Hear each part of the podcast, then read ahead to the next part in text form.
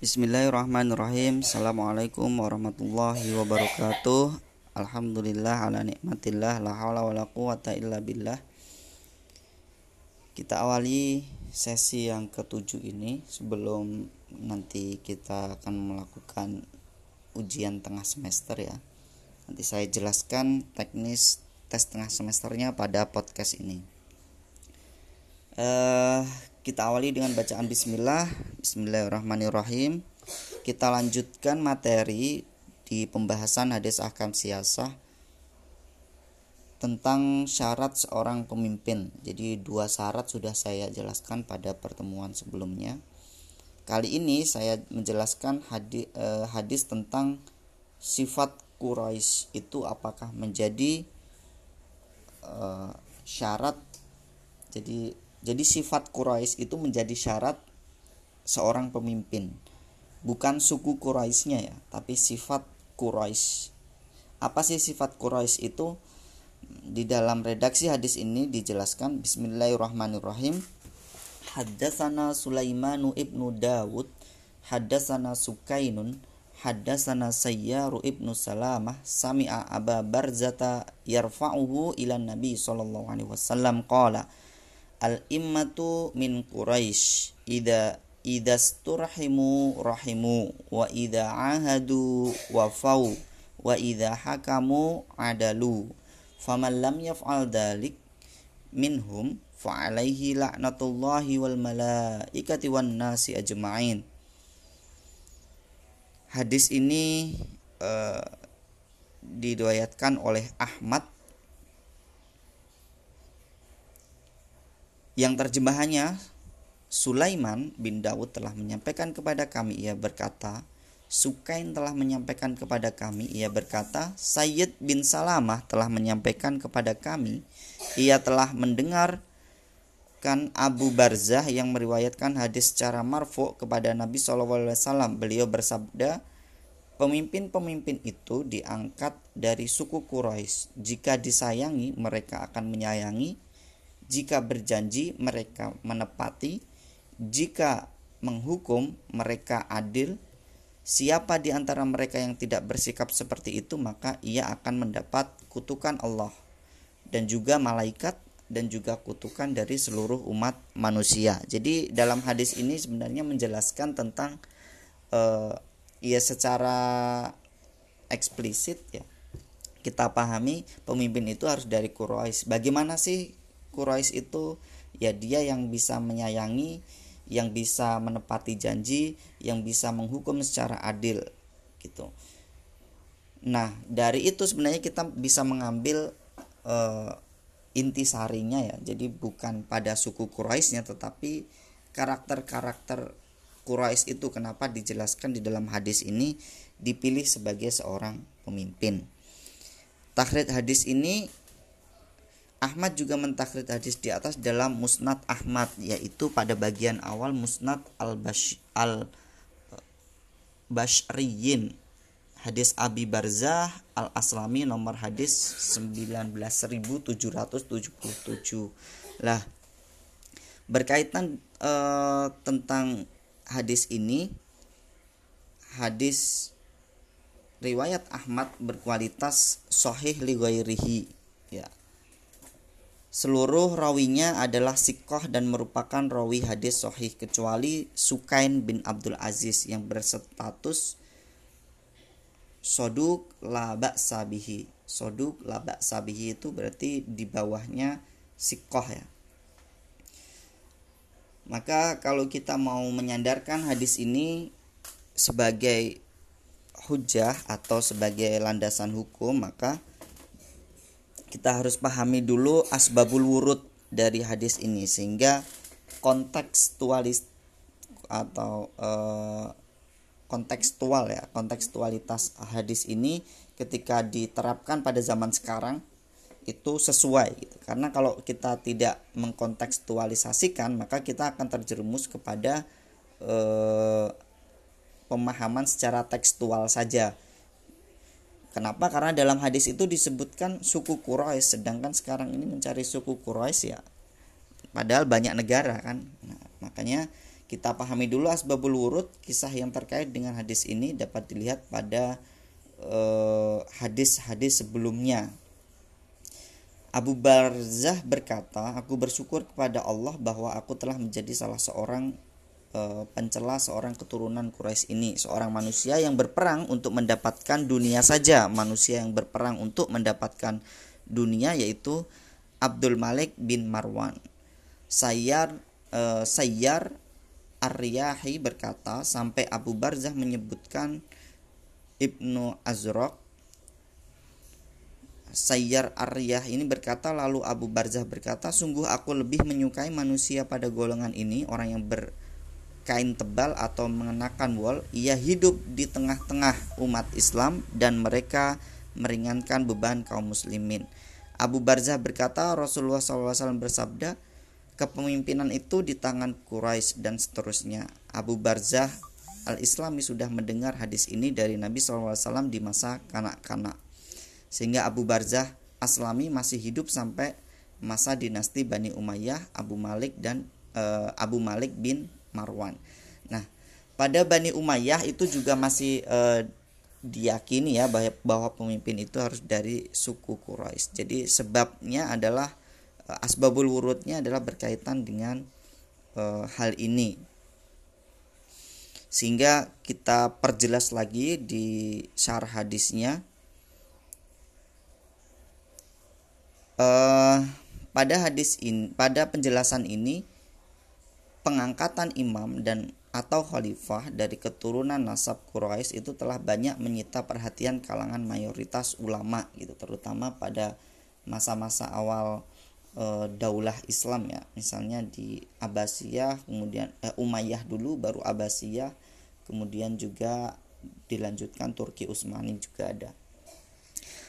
Masalah ini juga telah menimbulkan perbedaan pendapat yang besar di antara para ulama yang menganggapnya sebagai syarat in'iqad atau keharusan dalam mengakatkan khalifah. Jadi ini menjadi persoalan yang serius antara yang berpendapat bahwa selain keturunan Quraisy itu bisa atau boleh menjadi khalifah atau tidak gitu. Bisa eh, misalnya dari kalangan yang lainnya. Jadi di sini suku menjadi e, tolak ukur dibolehkannya diangkat pemimpin. Atau bagaimana sehingga menimbulkan berbagai pendapat yang berbeda gitu ya. Atau ini hanya sebagai fadoilul fadoilul amal saja atau afdoliyah saja atau keutamaan saja. Bahkan para pemikir kontemporer misalnya saja uh, Abdul Wahab Kholaf dalam kitab Asyasah Asyariah. Asyasah Asyariah. Dan uh, juga disebutkan oleh Al-Khurbuti dalam kitab Al-Islam wal Khilafah yang menolak kesahihan hadis tersebut. Jadi menolak hadis kesahihan tersebut. Mereka beranggapan bahwa tidak jelas asal usul dalam e, pentasriannya atau penetapan hukumnya dan juga berdasarkan ketiadaan nas yang sahih yang menunjukkan hal tersebut. Oleh karena itu, tadi kan disebutkan ya ada e, salah satu e, perawinya itu adalah e, di bawah sikoh gitu ya. di bawah e, apa e, kategori sikoh bukan termasuk syarat inqot gitu jadi nasab Quraisy itu hanya e, sekedar afdoliyah saja bukan termasuk syarat inqot argumentasi ini nampak pada beberapa aspek ya yang pertama Sesungguhnya semua hadis yang diriwayatkan dan sanatnya sahih dari Rasulullah itu seperti hadis dari Anas, para imam adalah dari Quraisy dan hadis Muawiyah sesungguhnya urusan pemerintah khilafan itu berada pada Quraisy. Nah, dan yang serupa dengan hadis-hadis tersebut maka dapat dipahami bahwa penentuan kekhilafahan itu ya oleh Quraisy gitu. Hanya saja dalam hadis-hadis tersebut tidak menunjukkan bahwa selain Quraisy tidak boleh. Artinya ada peluang dari suku lainnya gitu ya. Sehingga eh, boleh memegang jabatan khilafah selain dari suku Quraisy. Tapi menunjukkan bahwa Quraisy punya hak dalam hal itu dari segi keutamaan lantaran posisi yang strategis dari suku Quraisy itu. Pada masanya tentunya ya, bukan pada masa sekarang, itu pada masa eh, di antara orang-orang Arab suku Quraisy yang berada di eh, Arab itu menjadi yang diutamakan. Aspek yang kedua Sesungguhnya semua hadis yang diriwayatkan itu yang menjadikan urusan pemerintahan berada pada orang Quraisy telah ada dalam bentuk khobar dan tidak satu hadis pun datang dalam bentuk perintah.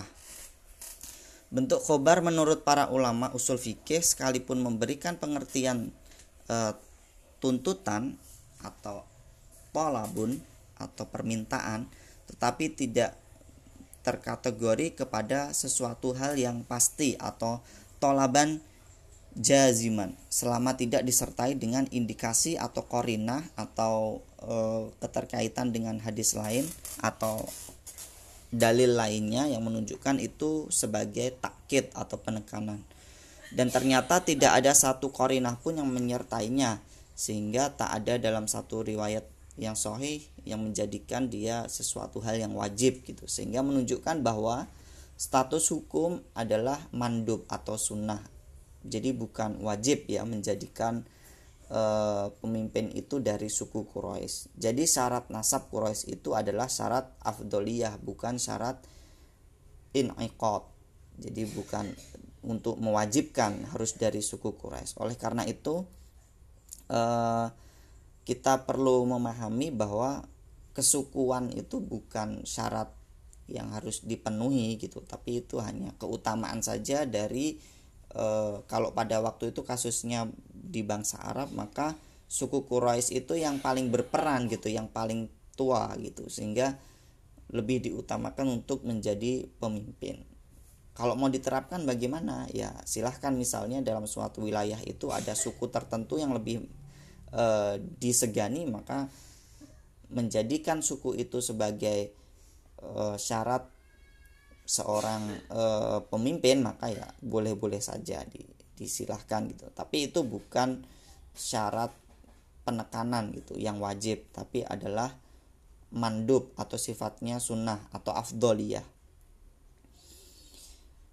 Sehingga e, nasab Quraisy peranannya hanya sebatas pada syarat afdoliyah, urgensinya menonjolkan e, ketika disodorkan nama-nama calon pemangku jabatan khalifah pada mayoritas kaum muslimin. Kemudian e, sebenarnya hal ini juga relevan dengan teks dan konteks hadis di atas bahwa maksud dari kata Quraisy bukan pada nasab garis keturunannya tetapi pada ciri-ciri pemimpin yang melekat pada suku Quraisy itu. Dari kata tersebut yaitu memiliki rasa sayang, kemudian menepati janji serta berlaku adil. Jadi lebih kepada eh, sifat-sifat yang melekat pada suku Quraisy itu. Wallahu a'lam bisawab. Uh, mungkin itu yang bisa saya sampaikan pada pertemuan yang ketujuh. Nanti tugas atau uh, ujian tengah semesternya saya minta untuk meresum dari penjelasan-penjelasan setiap materi ya jadi ada tujuh saya tujuh kali saya presentasi nanti silahkan e, diresum. Jadi ada tujuh resuman ada tujuh nomor resuman dari materi yang saya sampaikan. Dari pengantar ya dari pengantar sampai dengan e, pertemuan yang terakhir ini yang ketujuh ini. Sekian e, nanti silahkan dikumpulkan. Bisa melalui email bisa langsung ke WhatsApp saya. Dalam bentuk file Word atau PDF ya akhirul kalam. Assalamualaikum warahmatullahi wabarakatuh